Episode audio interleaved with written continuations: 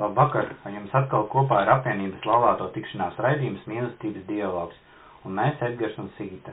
Mēs turpinam sarunāties par dialogu lomu un kā tas var palīdzēt uzlabot mūsu laulības dzīves kvalitāti un kontaktēties ar apkārtējo pasauli. Šis būs nedaudz citādāks raidījums. Šajā vasarā laulāto tikšanās ļāvās kaut kam jaunam un piedalījās sarunu festivālā Lampa. Mūsu sarunas tēma bija Viņi dzīvoja kopā ilgi un laimīgi kā tas mūsdienās ir iespējams. Sarunā piedalījās Rīgas arhibīskaps metropolīts Zbigņevs Stankēvičs, sociāla antropoloģa Aivita Putniņa, psiholoģa Daina Žurilo un laulāts pāris ar 43 gadu laulības stāžu Jānis un Kristīna Rešnis. Sarunu vadīja es Sigita Piruška. Šajā vakarā piedāvājam jums noklausīties sarunu un aizdomāties, vai mūsdienās ir iespējama ilga un laimīga laulība un kā to sasniegt. Statistika liecina, ka Latvijā vidējais šķirto laulību ilgums ir 13,3 gadi, un gandrīz ceturtā daļa šķirto laulību tiek šķirta pirmajos četros uh, gados. Uh, tāpat statistika rāda, ka pāri, kas izvēlas dibināt ģimeni, nu, ir arvien lielākā vecumā, tas ir pēc 30 gadu vecuma. Tādēļ mums arī radās tāds jautājums, kāpēc laulība vairs nav vērtība, kādēļ pāri nevēlas veidot ģimenes, kādēļ ģimenes tik ātri izjūg un ko var darīt, lai nu, tas mainītos, varbūt tās. Lai, lai nav tā, ka pāri izšķirās jau pirmajos gados pēc ģimenes nodibināšanas. Un tad man gribās arī uzreiz jautāt, un es laikam sākšu ar psiholoģi, kā jūs izskaidrot, kāpēc cilvēki vairs neizvēlas laulību, kādēļ varbūt tās tiek šķiet pievilcīgāk dzīvot kopā tāpatās un pēc principā šodien mums ir labi, mēs esam kopā, rīt mums vairs nav labi, rīt mēs šķiramies un ko mēs varam darīt. Un varbūt tās es arī lūkšu, lai parāda jūs aptauju rezultātus. Paldies, vai mani var dzirdēt? Tas jautājums ir tāds ļoti fundamentāls, kāpēc cilvēki neizvēlas laulāties. Uh, ar to mēs iesākam šo diskusiju. Paldies par šo jautājumu. Tad ķersimies tā ļoti nopietni, lai atbildētu un šo tēmu šķetinātu. Ehm, tas, es domāju, šo jautājumu var atbildēt ļoti sarežģīti un ļoti vienkārši. Manuprāt, vienkārša atbilde ir tā, ka mēs vienmēr vēlamies atgriezties tajā vietā, kur mums ir bijis labi.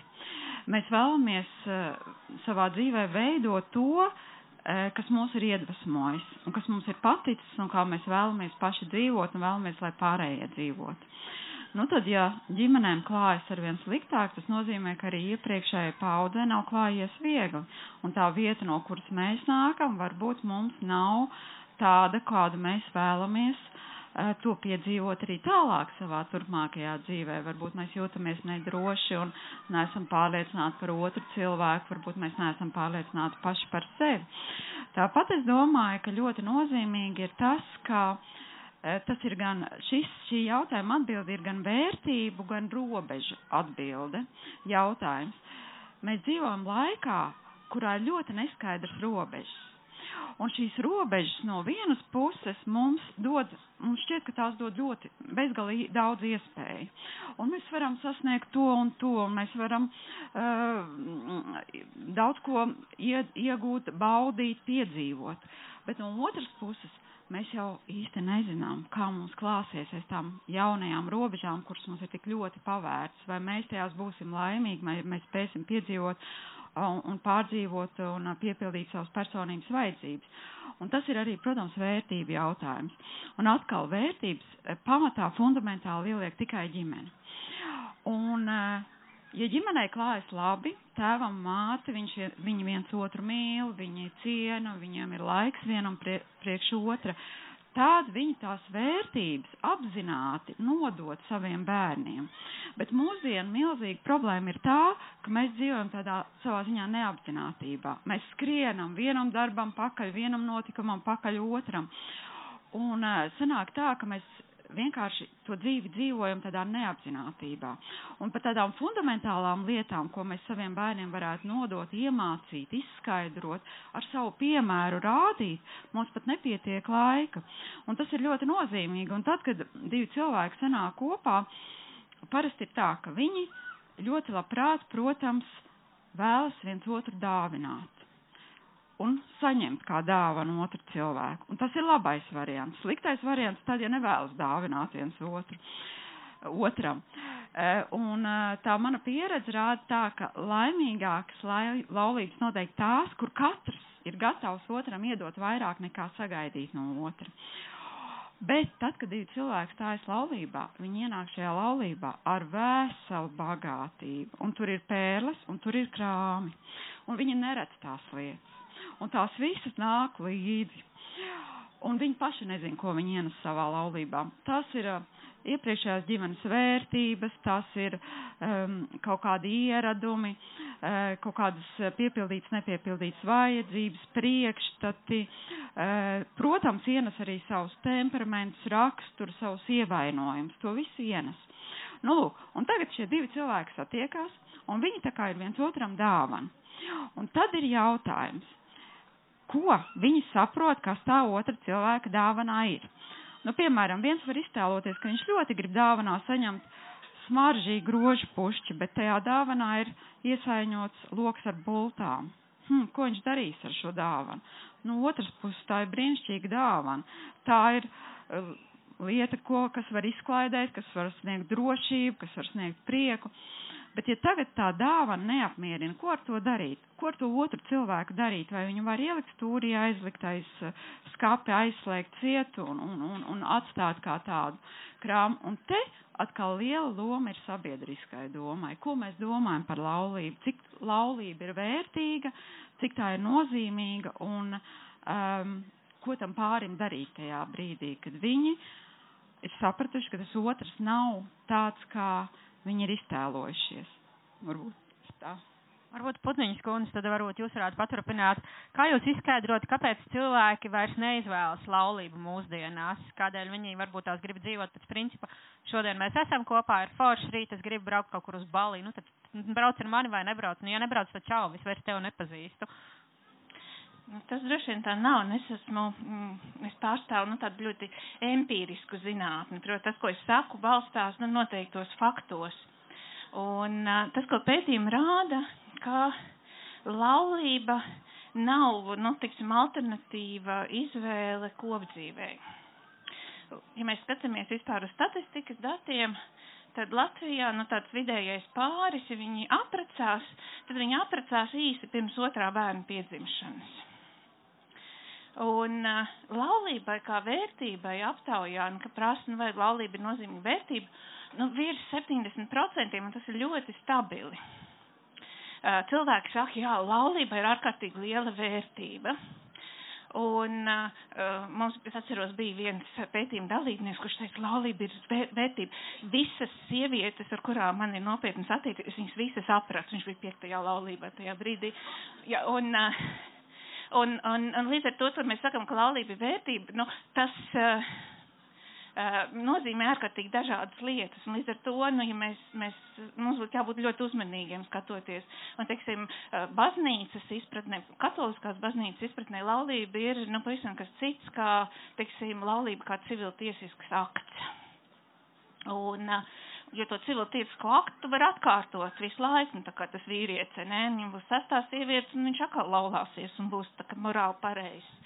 Un, uh, un savukārt katoliskai baznīcā, kā mēs zinām, ir pavisam citi priekšstati un uzskati par laulību, un tajā laulībā nav tie divi cilvēki. Viņi tur ir trīs, viņi tur ir divs. Kas ir trešais, kas ir klāta?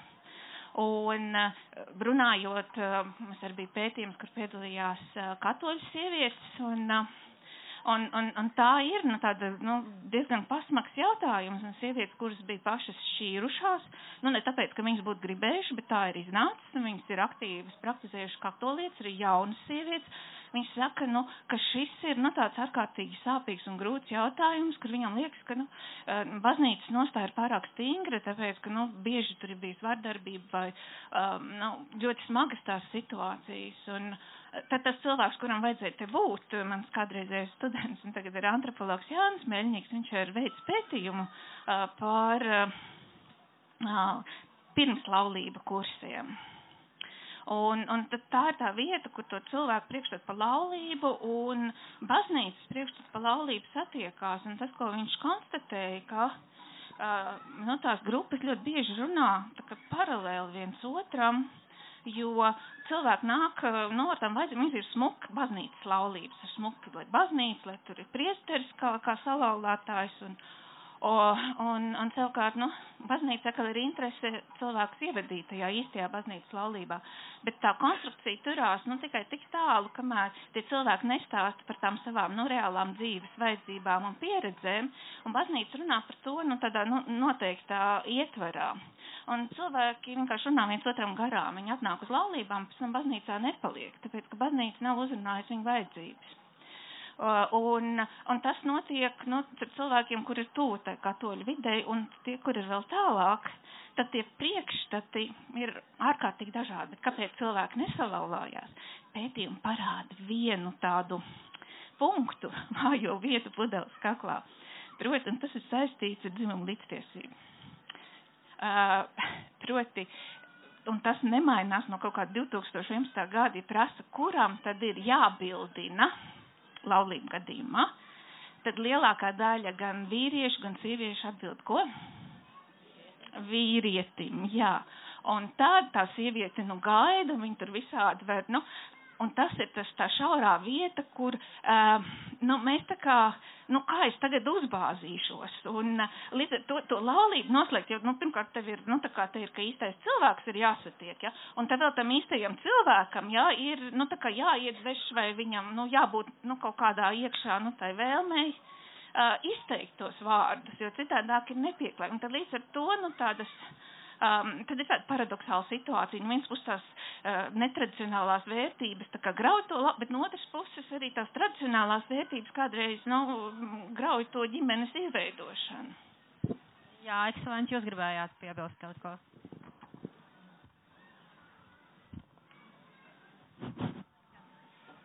Jā, kāpēc cilvēki nestājas laulībā šodien? E, tāpēc, ka viņi laulībā neredz savu piepildījumu šodien. Jo patiesībā katrs cilvēks, viņš ir, viņš grib būt laimīgs.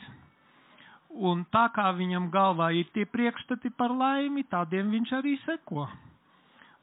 Un e, šodien tā saucamajā masu kultūrā un e, masu mēdījos, tur visādos žurnālos, sieviešu, bet arī vīriešu žurnālos, tur uh, laulība netiek stādīta kā, laulībā balstīta ģimene netiek stādīta kā piemērs. Tur paskatieties, kas tur ir. Es tur nesekoju tā pārāk, bet vispār nesekoju, bet tas durās acīs, ka tur pilns ar visādiem mīlas stāstiem, piedzīvojumiem, sansoļiem un tā tālāk. Lūk, tur ir piepildījums, tas ir interesanti, un, un visi tad tik klikšķē tur Twitterī vai, vai tur Facebookā, ka tur par kaut kādiem atkal kārtējiem piedzīvojumiem. Respektīvi, tas netiek stādīts priekšā kā ideāls, un cilvēki neredz to kā piepildījumu. Bet, teiksim, šis virziens, tas tie, kas ir pazīstami ar sengrieķu mitoloģiju, tad uh, sirēnu balsis, uh, ka sirēnas ļoti skaisti dzied, bet viņas tos kuģotājus, kas tur garām kuģoja, ievilināja uz uh, klintīm un viņi tur gāja bojā. Respektīvi, laulība tomēr ir cilvēku, ir patiesībā tas nepieciešamais nosacījums normālā gadījumā, teiksim, vidēji statistiskajā gadījumā, tas normālais nosacījums, lai cilvēks varētu būt laimīgs. Tad, kad, un šeit man patika, ka jūs to nobalsojāt tieši mūsu domas sakrita, ka lai, lai, lai laulība būtu laimīga, pirmais nosacījums ir, lai, e, lai ir pastāvīgs e, nu, tā kā gatavība risināt problēmas, visu laiku uzturēt to attiecību svaigumu, un ja ir problēma, tad tā kā man, nu, māsa ir precēta, viņai viena no māsām pieci bērni, un viņa man teica, ka mēs ar vīru nekad e, neejam gulēt, nu, kā saka, neizmiegam, pirms neesam izrunājuši dienas kaut kādas problēmas. Ja mums bija kaut kāda tur dzirksteļošana un kaut kāds konfliktiņš, mēs vienmēr uzreiz pirms aizmiegam visu izrunājam. Nu, tātad tas te jau tas izskanēja, ka ja tu gribi būt laimīgs, esi gatavs sevi dāvāt. Un dāvāt otram, un tā kā liekas Daina teica, dot vairāk nekā, kā saka, tu pieprasi no otra. Jo vīrietis un sieviete, viņi nevar viens, viens bez otra normāli attīstīties. Atkal es runāju par normālo gadījumu, ka vīrietim, lai viņš apzinātos sevi un, un pilnveidotu sevi un tā kā transcendētu sevi, tā kā pārkāptu pāri savām robežām, viņam ir vajadzīga mīloša sieviete, kura viņu iedrošina un paceļ viņam latiņu, kā saka, uz augstiem mērķiem. Un savukārt, savukārt sievietei arī ir vajadzīgs vīrietis, kurš viņu atbalsta, un šai ziņā man ļoti simpātisks ir tas viduslaiku ideāls, kad bija e, bruņinieks, kurš kalpo daļajai dāmai. Un starp citu, tas, e, tur ir ļoti dziļa patiesība ielikta arī iekšā, ka sievietes būtībā ir ielikta, ieliktas ilgas būt skaistai. Sieviete vēlas būt skaista, vai ne? Bet, diemžēl, mūsu dienās tas ir ļoti noplicināts, jo tas skaistums tiek izprast tikai ārēji, un tāpēc tur tās, nezinu, paplašinātās lūpes, lūpas un, un vēl visādi tur visu, ko dara, bet, bet tas skaistums, patiesībā tas galvenais ir tas iekšējais skaistums, kurš tad staro uz āru dvēseles skaistums, vai ne? Tā ka sieviete ir aicināta būt skaistai, un vīrietis ir aicināts tā kā būt par katalizatoru, lai tas skaistums tā kā manifestējas. Labi. Paldies. Uh, tad man būs nākamais jautājums uh, Dainai. Varbūt tās, uh, kad bija pēc, es, kad lasīju, ka, tie, ka tā statistika, ka gan arī ceturtā daļa šķirto laulību izjūg pirmajos četros gados, kas varētu būt tas iemesls, kāpēc pāri tik ātri varbūt izšķirās? Nu, labi, kā bija statistika, ka viņi apprecās apmēram pirms vai pēc otrā bērna. Nu, bet kāpēc tad uzreiz arī sanāk, kad uh, iet katrs uz savu pusi tur tik ātri? Kāpēc tik ātri vai, vai vispār laulības dinamika? Es, es domāju, kāpēc, kāpēc tik ātri? Jā, būt kā, kā, varbūt tās kā laulības di dinamika ietekmē to, ka pirmajos četros gados tad mēs vienkārši aizējam projām viens no otra. Mm. Uh, nu jā, tas, ziniet, kā tas, es domāju, arī ļoti cieši saistīts ar to, kādā laikā mēs dzīvojam un ko šis laiks prasa no mums un ko mēs sagaidām arī no apkārtējās vidas, un ko mēs sagaidām paši no sevis, un ko mēs esam gatavi dot. Tie ir arī tā iekšējās mūsu kvalitātes personības. Piemēram, ģimene noteikti būs vieta, kurā būs vajadzīga pacietība kurā būs uh, vajadzīga spēja uh, gan dot, gan mīlēt, uh, gan piekāpties kaut kam.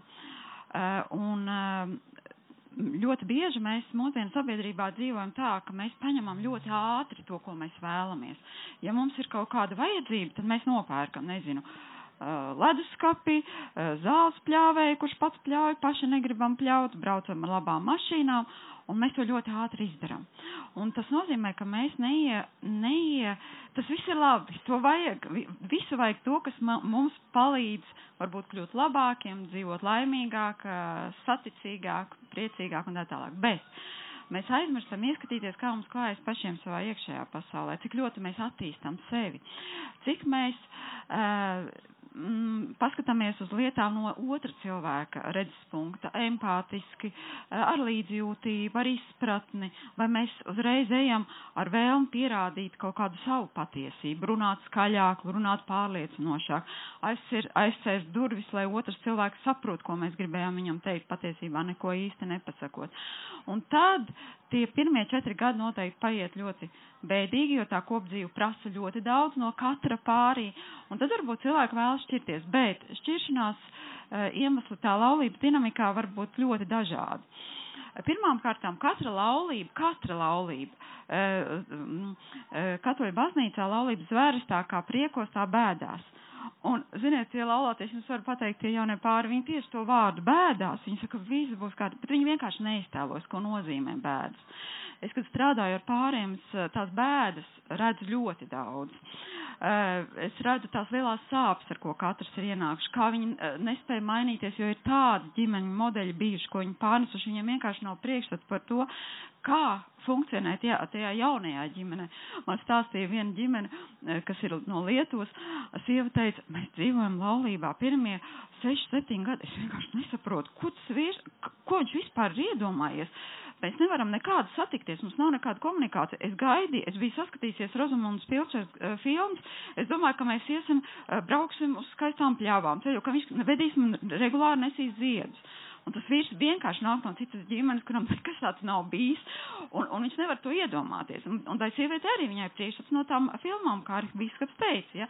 Īstenībā ļoti lielā mērā man patīk viens gudrs cilvēks Latvijā teica, ka nav sabiedriskā doma, bet ir doma, kas veido sabiedrību. Tad, tad eh, tie televīzija, masu mediji ļoti spēcīgi veido mūsu sabiedrisko domu, mūsu domu. Eh, varbūt arī mākslīgais intelekts. Nezinām, tā saruna laikam būs vakarā, to uzzināsim. Vai tas jau mūs ietekmē vai nē vēl. Nu, lūk. Un, eh, un tas veido, bet katra ģimene, to es varu noteikti apsolīt, izies krīzes posmiem. Es negribu varbūt teikt tos ciparus, cik pēc cik gadiem, lai jūs neieciklējaties uz šiem cipariem, bet tas būs dabiski. Katrs, tā kā mēs personības izējam kaut kādiem cikliem cauri, maza bērns, viņam ir uh, trīsgadnieka krīze, tad pēc tam septiņgadnieka, gad, gad, gadus veca bērnu krīze, divgadnieka un tā tālāk. Un tad, kad tas cilvēks pārdzīvo to savu krīzi, viņš pāriet jaunā kvalitātē. Un tieši tas pats notiek arī ar laulību. Kad laulība izi un tās krīzes pārēšana, tā ir tā kā tāda jauna dzimšana, tās ir milzīgas sāpes, tā ir skatīšanās ar aizdomām uz otru cilvēku, tā ir skatīšanās ar tādu neizpratni pašam uz sevi, tā ir rutīna. Jo laulībā galvenais vārds ir darbs mīlestībai. Tas ir milzīgs darbs. Kad divi cilvēki satiekās, ir pilnīgi skaidrs, tas nekad nebūs bez nosacījuma mīlestība. Es esmu pārliecināta, ka starp pāri var pieaugt šī beznosacījuma mīlestība. Es noteikti tā domāju, ka tā varētu būt. To droši vien liecinās Jānis ar Kristīnu. Bet sākumā tas ir milzīgs darbs, kas būs jāiegulda savā pāri attiecībā. Un vēl es domāju, tad, kad šis darbs tiek ieguldīts, tad arī šīs gaidāmās krīzes, protams, būs, bet uz tām jāskatās mierīgi, tāpēc arī zināšanām ir jābūt. Ir jābūt gudrībai un arī tādai informētībai, izglītotībai laulības jautājumos. Jo tad, kad pāris iziet šim visam cauri, tad laulība var kļūt dzīvē tā vieta, kurā cilvēks ir vislaimīgākais ģimene. Bet vienlaicīgi ģimene noteikti var būt tā vieta, kur cilvēks ir visnelaimīgākais virs zemes. E, tāpat laulībā noteikti dinamikā var būt e, tiešām daudz dažādu izaicinājumu. Viens izaicinājums, kas mums Latvijā ir noteikti ļoti, ļoti izplatīts, kā es domāju, kas tad ir mums tāds viens tāds ļoti liels izaicinājums kaut kā mūsu mentalitātei. Padomājiet, bet es uh, pateikšu, tās ir bieži vien vīrmātes sievas mātes jo viņas ļoti labi zina, kā viņu bērniņam klājas. Viņas pašas jau ir, pār, nevar pārdzīvot šo tukšās līgstas periodu, viņām ir ko teikt, un kā tam tai, tai dēla sievai jāparūpējas par viņu dēlu, un tā tālāk, un tā iejaukšanās bieži vien ļoti graujoša. Uh, tad um, noteikti dažādas arī tādas nelaimes vai tāda liela pārdzīvojuma, ar kuriem ir jātiek galā. Es zinu ļoti daudz bē, ģimenes, kurās ir bērni ar īpašām vajadzībām, un, diemžēl, mūsdienu sabiedrībā nu, šādas arī šādi pārdzīvojumi notiek arvien vairāk, un, ir, un ko tad darīt? Vai nesīsim kopā šo mūsu krustu un izaicinājumu un audzināsim, vai arī kāds mūks projām to neizturēs? Nu, tā ka laulības dzīve ir milzīgi tādi pārdzīvojumi un piedzīvojumi, un, un tas arī, protams, jā. Pirms kāda gada braucot pie stūras, ieslēdzu radio, tur bija radio Marija raidījums, runāja ģimenes psiholoģe, uh, un viņa dalījās arī par savu pieredzi, bet bija viena ļoti interesanta lieta, kas man ir tā kā, man sava veida jaunums bija. Viņa saka, ģimenes dzīvē ir sava veida dinamika, un tām attiecībām ir tā kā jāpāriet kaut kādā jaunā fāzē. Tu nevari vienkārši atražot to modeli, kas tev bija sākumā, vai kas bija, piemēram, pēc desmit gadiem laulībā. E, viņa jau bija kaut kādus, tur neatceros, 15, 20 gadus laulībā un teica, ir pienācis brīdis, kad es redzu, mums kaut kas, nu mēs tā kā paveicam dzīvojam, bet redzu, ka izžūsta savots, pazūd svaigums un viņa saprot, ka jāmeklē kaut kāda jauna, nu, jauns, jauns attiecību modelis, protams, tajā pašā laulībā. Tas ir tā. E, respektīvi, kāpēc šķirās ļoti bieži? Tāpēc, ka met uzreiz plinti krūmos tad, kad saskaras ar kādu problēmu, e, kaut kāds konflikts rodas. Bet, nu, to psiholoģiju jums pastāstīs zinoši, ka katra konflikta situācija, katra krīze, tā ir arī izaugsmes iespēja. Un ir iespējami divi risinājumi. Vai tu met plinti krūmos un atstāji problēmu neatrisinātu un atkal meklē, nu tā kā tauren, taurenis no puķītes uz puķīti un vienmēr no jauna apdezinies. Vai arī risini problēmu, atrisini un tad tas priekš abiem diviem nes svētību un abi divi aug. Bet, protams, ir arī tādas krīzes situācijas, kad te, te jau tika pieminēts, kad ir vardarbība, kad ir, nu, vienkārši, piemēram, nu, ne sievietes vainas dēļ vai ne vīrieša vainas dēļ, vīra vai sievas, ka ir izjukusi tā laulība. Nu, un ko baznīca piedāvā tai gadījumā? E, nu, baznīca saka, jā, tad, kad ir vārdarbība, tad ir tiesības, piemēram, sievai, nu, separēties no tā vīra. Un uh, otrkārt, ir tiesības tiem, kuri redz, ka nu, pilnīgi visi tur nogājis greizi, iesniegt baznīcas tiesā pieteikumu, lai tiek izskatīts jautājums par laulības derīgumu. Jo, piemēram, tad, ja nu, vīrs psihopāts, jā, un tur daudzas sievu un vardarbība un tā, tad tiesa var nokonstatēt, jo tur arī psiholoģiskā ekspertīze ir, E, var nokonstatēt, ka tad, kad viņš stājās laulībā, ka viņš nebija vēl nobriedis kā personība, psiholoģiski nebija nobriedis, lai būtu gatavs pieņemt atbildīgus lēmumus, lēmumus un uzņemties laulības saistības. Un tādos gadījumos vienkārši tiek izsludināta, e, iz, konstatēts laulības nederīguma fakts, kopš laulības noslēgšanas brīža. Vienkārši tā laulība tika izsludināta, ka viņa vispār nav bijusi, vai ne, viņa nav derīga.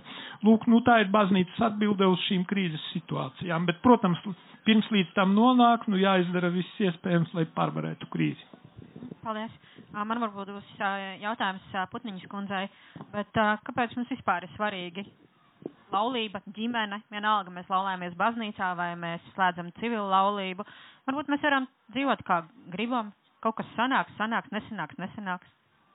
Mm, cilvēki jau arī dzīvo tā, kā viņi grib, un, un par to sanākšanu arī tagad ir pazuduši tas, tā aptauja, bet tajā aptaujā tā pirmā populārākā atbilde bija, nu, ka ir īstais cilvēks, tad jau nu sanāks. Un, uh, Un tad tādā tulkojumā arī pazūd, nu, tas, ka mēs uzskatām, nu, tur sieviete un vīrietis, viņi ir tā uztaisīti, ka viņi, nu, vienkārši viens, viens, viens otram, nu, sadar. Viņi sanāk kopā, un tad uzreiz, nu, īstais cilvēks, visas lietas notiekās. Un, bet problēma jau ir attiecībās, un, un, un tas, kā, kāds tas attiecību modelis ir šodien, nu, pēdējos simt gadus, uh, tas ir atšķirīgs no, no iepriekšējā laika, un joprojām lielākā daļa pasaules kultūra piekopja mm, sarunātās laulības. Um, ir fantastiska grāmata, ko ir uh, folkloras krātuve izdevusi Ādama stāsts, kā viens uh, puisis uh, 19. gadsimta vidū meklē sev sievu, un tur nav pilnīgi nekas no romantiskā mīlestības kompleksa. Tur viss ir uh, ļoti praktisks, pragmatisks, kā tev, nu, tas, tas iznāk un kas tev. Un, un laulība tajā laikā ir ekonomisks darījums. Un tev nav iespēja tur aiziet, izdomāt vai, vai, vai padomāt, pa ko tu jūties. Un, un tagad šis romantiskais mīlestības komplekss ir, nu, pamatā, nu, kāpēc cilvēki precās, nu, tāpēc, ka viņi ir iemīlējušies. Un, protams, ka tā iemīlēšanās fāze, nu, ir nestabila, vai ne? Un, Un cilvēkiem, nu, tur ir tas jautājums par to darba, darbu. Tagad ir uh, galvenais tas regulārs darbs pie attiecībām. Es atceros, mēs um, projekta ietveros um, intervējām arī vienu pāri, viņa bija katoļi. Un viņi 12 gadus bija nodzīvojuši kopā, viņiem bija seši bērni, un tā sieva saka, ka nu, viņa vairākas reizes ir domājusi, ka būtu jāšķirās, jo neiet viņiem. Un tad viņi sāk iet uz laulāto tikšanās reizēm. Un, un pēc tam laulāto tikšanās reizēm tas vīrs pirmo reizi 12 gadu laikā bija sievai pateicis, ka viņš viņu mīl. Viņš nekad nebija iedomājies, ka viņai kaut ko tādu vispār gribētos dzirdēt, vai vispār kaut kādus tādus vārdus viņš kā vecis varētu pateikt. Un viņi joprojām abi turpināja cīnīties, un tur viņš ir, un aiziet, tur, un tur sēž veči, kurš to var pateikt, vai ne, tur nenosarkstot, vai viņam, nu, nepaliek tā kā, nu, tā kā viņš nepaliek mazāk vīrietis, vai ne, ka viņš to pasaka. Un, un, un šis te atbalsts un kā veidot attiecības, um, nu, tā, tā ir ārkārtīgi, nu, būtiska lieta, un tur tādā tulkojumā, ka mēs uzsveram, nu, galvenais tur ir vīrietis un sieviete, un tad, nu, galvenais, ka sieviete vēl svārkus valkā, lai viņa izskatās skaisti un sievišķīgi, un, un tad, tad viss lieta, bet uh, jautājums jau ir par, par attiecībām, un kā mēs, uh, nu, attiecības spējam veidot, un tā Latvijā, nu, ir ārkārtīgi, nu, tāda problemātiska, tas ir gan vecāku bērnu attiecības, tas, kādas mums ir bērnu audzināšanas tradīcijas un, un, un, kā, kā, attiec, un kā attiecībās mēs ieguldam laiku, un tie jau tik runāts, ka vecāki strādā un mums nav laika, un arī laulātiem pāriem nav laika, nu, tāpēc, ka Latvijā cilvēki ir viena no ilgāk un vairāk strādājošiem Eiropā. U, bet no otra lieta, nu, ka tās attiecības nav instinktīvas, bet ka tā ir iemācāma lieta. Un mums ir ļoti maz platformu vai vietu, kur tās mācīties. Un tad tā laulāto tikšanās vieta patiesībā ir nu, tāda, tāds ļoti labs atspēriena punkts, un tas noteikti strādātu pat labāk, jo nu, tādā brīdī, kad cilvēkiem jūt, ka ir krīze, un ka viņiem vajag atbalstu, viņus turien ir aiziet, un ir labi, ka tādas vietas mums ir. Tas nestrādā laulības sākumā, tāpēc, ka tad jau visas lietas notiek, tad, kad cilvēki laulēs, viņi taču nedomā, ka viņi izšķirsies. Es jau minēju šo piemēru vienā citā diskusijā, bet cilvēki, kuri zina, ka viņi nemāk peldēt, viņi nelien ūdenī un nenoslīgs. Noslīgs tikai tie cilvēki, kuri pārliecināti, ka viņi labi peldētāji. Un uh, līdzīgi ir arī ar um, šīm te laulībām, proti tās ir balstītas uz šo te romantisko mīlestību. Un te, ar citu, katoļu baznīcā ir ļoti liela ieteikuma. Atcinies Romeo un Džulietu. Ko viņi izdara? Viņi no savām stabilajām sarunātajām laulībām aizmūku, aiziet pie priestera, kurš saka, nē, bērni, jūs varat salauzāties, jūs taču mīlat viens otru. Un tas izvēršas par traģēdiju, bet šis stāsts vienlaicīgi ir arī stāsts par laulību pārmaiņām. Proti, ka no šīm sarunātajām vecāku atbalstītām, nu, ģimenes ekonomikām balstītām attiecībām mēs pārējām uz individuāli izvēlētām. Un šī pārmaiņa ir, ir, ir, nu, ir no vienas puses traumējusi to pašu ģimeni un laulību, no otras puses ir, ir likusi tai pārmainīties. Es varbūt piebildīšu par laulāto tikšanās, par cik te minējās, es uzturu kontaktus un man nāk atgriezniskā saite un gribu jums tikai divus piemērus. Vairāk varbūt viņi paši pastāstīs. Viens piemērs bija par e, iemīlējušos un sadarināto kursiem. E, kurus laulāto tikšanās piedāvā, un pēc tiem kursiem man bija signāls, ka kāds pāris atnāk un saka, nē, mēs nelaulāsimies vēl, jo mēs tagad saprotam, ka mēs neesam gatavi, ka tas ir tik, mēs nedomājām, ka tas ir tik nopietni, nē, mums vēl ir vajadzīgs laiks nobriest.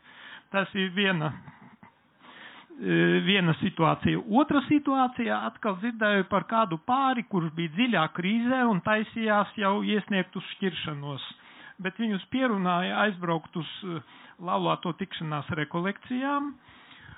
Un viņi, nu tā kā šeit arī izskanēja, ka tur pirmo reizi vīrs uzzina, ka var pateikt sievai, ka viņš viņu mīl, un izrādās viņi nebija nekad nosēdušies pie galda, piemēram, vakarā, lai aprunātos un lai izrunātu problēmas, un tur viņus iemācīja dialogu, apmācīja, kā, kādā veidā ieiet tajā dialogā, un viņi atgriezās tā kā svaigi iemīlējušies no tām rekolekcijām. Tad es uzreiz gribēšu pāriet arī pie Jāņa un Kristīnas. Jūs laulībā dzīvojat 43 gadus. Tad varbūt jūs varētu atklāt to noslēpumu, cik, kā jums ir izdevies tik ilgi kopā nodzīvot, un nesakiet man, ka jums nav bijis neviens brīdis, ka jūs negribētu iet projām viens no otra, un kā jūs tikāt pāri tam visam, un ko jūs iesakāt citiem pāriem.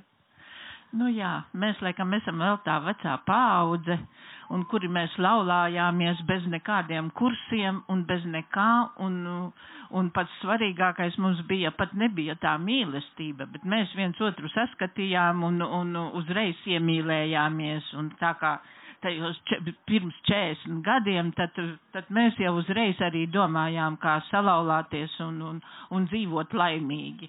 Protams, e, dzīve bija gara, un ir gara, un, un, un tās rozā brilles uzreiz nokrīt, kaut arī, jā, un, Un līdz ar to uh, mēs arī dumpojāmies viens pret otru, jo mēs viens otram arī negribējām padoties. Un, un, un, un kā jau te visu, visu, visu mūsu dzīves, var teikt, posmus ir izrunājuši, un psihologi un visi, un tāpēc Tāpēc mums arī krīzes bijušas, un neviena vien krīze, un ir bijušas tādas krīzes, ka mēs viens no otra gribējām arī aiziet projām, un ne tikai, un, un mēs arī esam, uh, tā, emin, ekscelence teica, ka, ka māsa katru dienu, kad ir kādas dirktelītes un, un izrunājas vai ko, nē, mēs ar Jāni esam nedēļām nerunājuši un, un, un, un pēc tam vēlāk tikai, tikai sākām atveseļot vai kā sarunāties, un tas pavisam savādāk. Tad vēlāk, tad, kad pēc tās nedēļas sākam runāties un, un, un spriest, un kas mums ir nepaticis un kas mums ir bijis. Un, un, un, un kaut arī mēs tagad esam pensijā, un vai tad mēs nestrīdāmies, strīdamies tāpatās, un, un, un tā nav, ka mēs dzīvotu tā, tā, tādi ļoti laimīgi un, un, un priecīgi. Mums viss kas ir, mums ir lieli bērni, tagad mēs divatā, un mums tā dzīve pagriezusies pavisam savādāka nekā, nekā, nekā bija jaunībā. Jaunība ir jaunība. Jaunībā ir prieki un, un viss, un liekas viss rozā, bet, bet, bet līdz galam tas tā, tā nemaz nav. Un dzīve ir dzīve, un viņu jāmāk dzīvot, un mēs vienmēr gribam uh, gribam to otru cilvēku pārtaisīt. Mums liekas, viņš pavisam nedara tā, kā vajag, un, un, un, un viss, bet mēs paši arī negribam mainīties. Un tas arī manā situācijā bija. Es jau arī Jāni gribēju pavisam savādāku redzēt, kā pēc filmām un pēc bildēm un pēc visa, bet izrādās, ka viņš man nepadevās un vajadzēja pašai mainīties, lai varētu dzīvot tālāk un, un, un lai varētu, varētu satikt un nodzīvot šo šos lielos un garos gadus.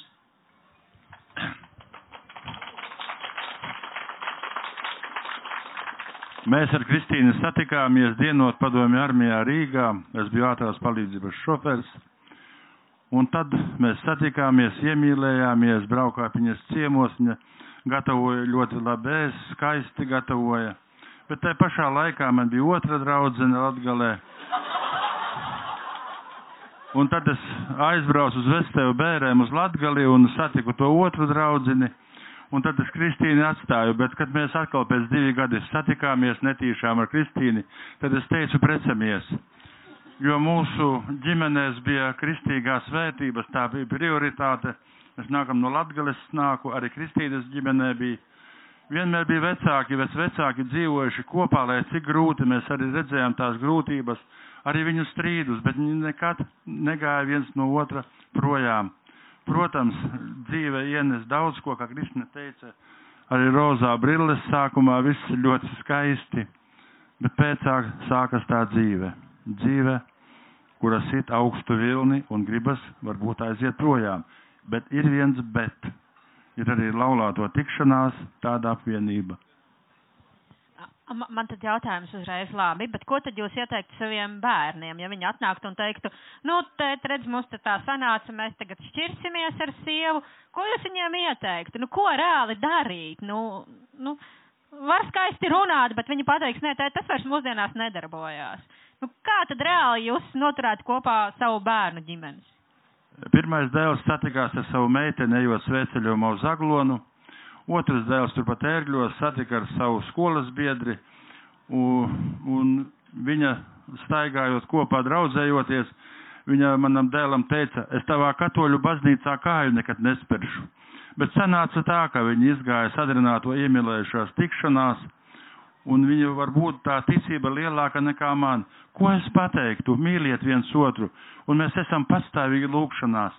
Un arī tik tiešām liels prieks, ka vienam bērnam ir trīs bērni, mums mazbērni, ja? un otram ir divi, bet tas nav beigas vēl. bet viņiem tā ticība ir augstāka pa visu, ja viņi lūdzas. Un varbūt tā tik tiešām, un ja vienreiz ar vedeklu man kaut kas nesanāca, viņa sāk uz maniem šķībi skatīties, bet doma bija par to, kas aizēja pie mazbērniem, viņa sēž tajā telefonā savā, ja? Un es saku, tā kā vectējs atnāca, papļāpāsim, ja vienreiz, otrais, un es sapratu, kaut kas nav labi.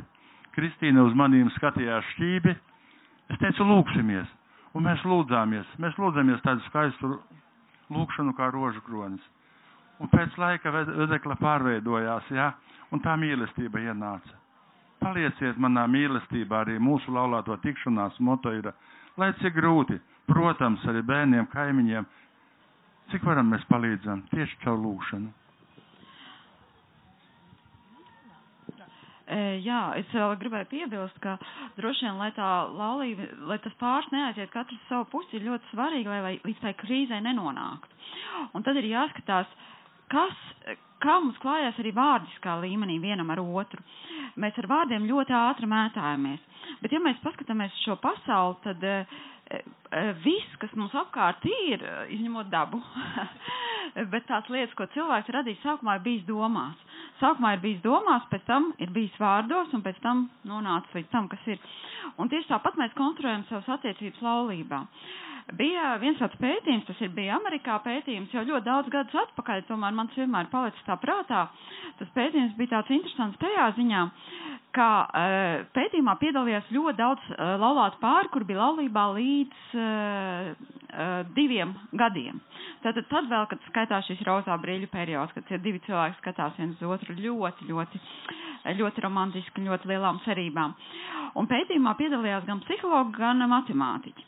Mums psihologiem patīk ar matemātiķiem sadarboties.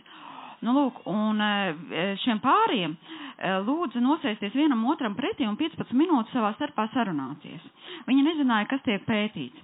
Pēc, šī, pēc šīm sarunām šie pētnieki izdarīja secinājumus, kuri sakrita pēc tam pa 92%. Tas ir milzīgi augsts cipars.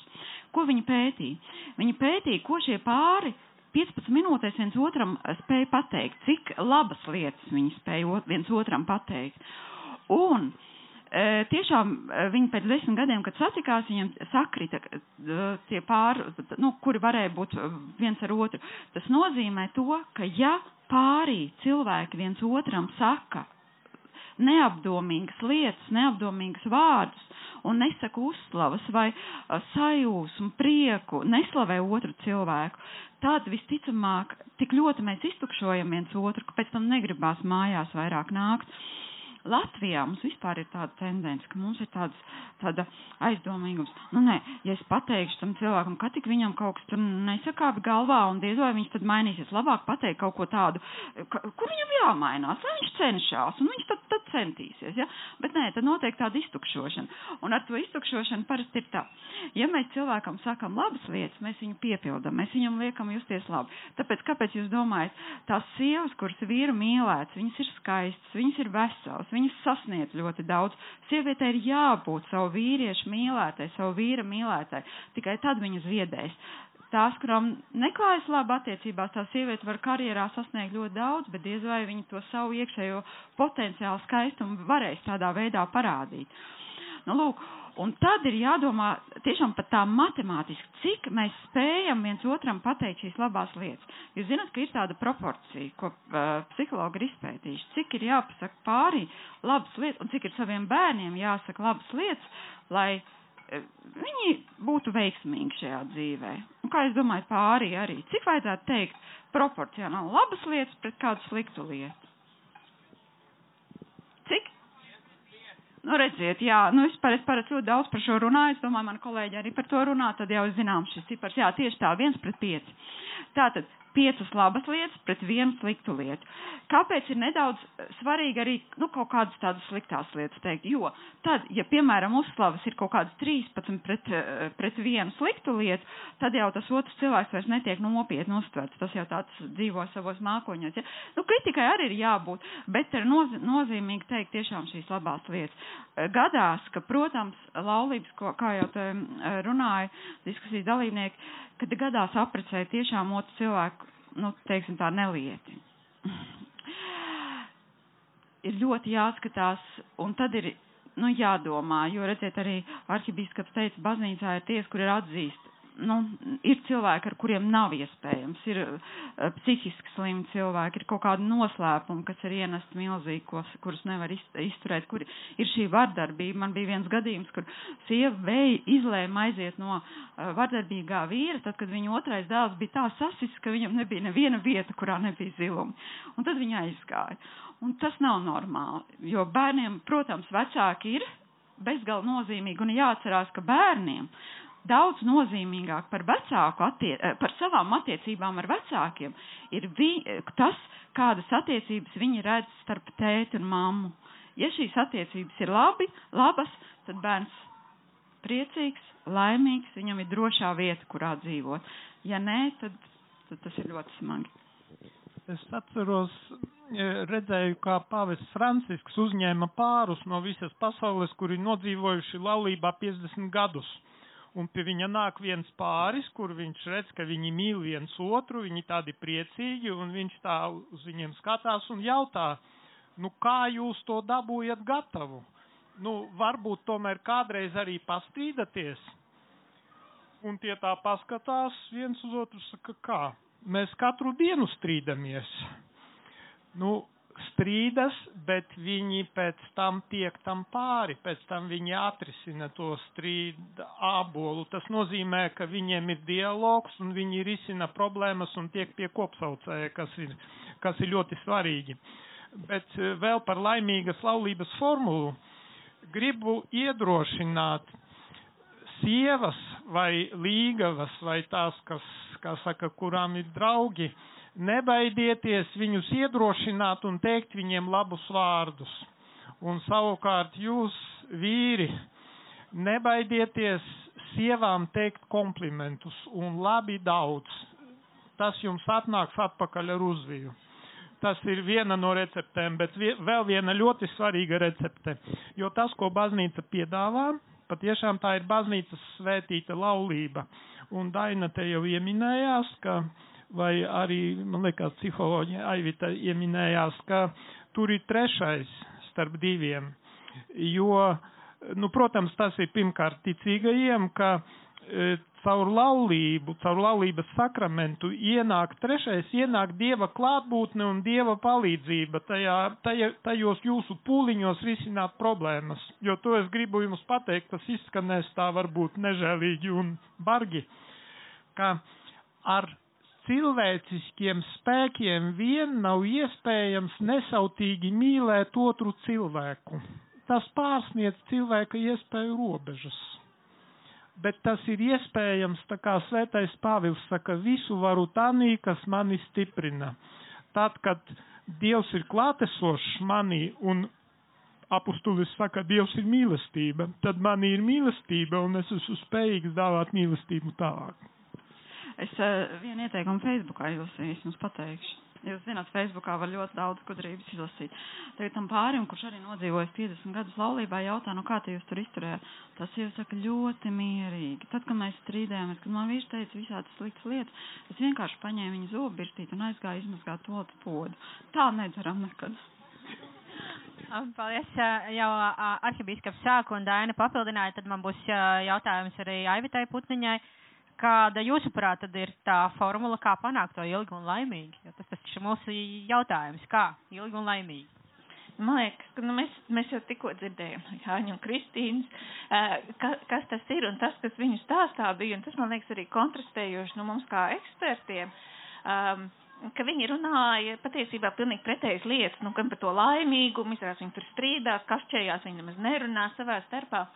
Un uh, tad, ja mēs gribam saglabāt tās attiecības, vai arī, ja mēs gribam atbalstīt citus cilvēkus, viņu ģimenes saturēšanu. Mums pirmkārt ir nu, jāieklausās tajos cilvēkos un jāsaprot viņa vajadzības, nu pat tos terminus, kādā veidā viņi par šīm lietām runā.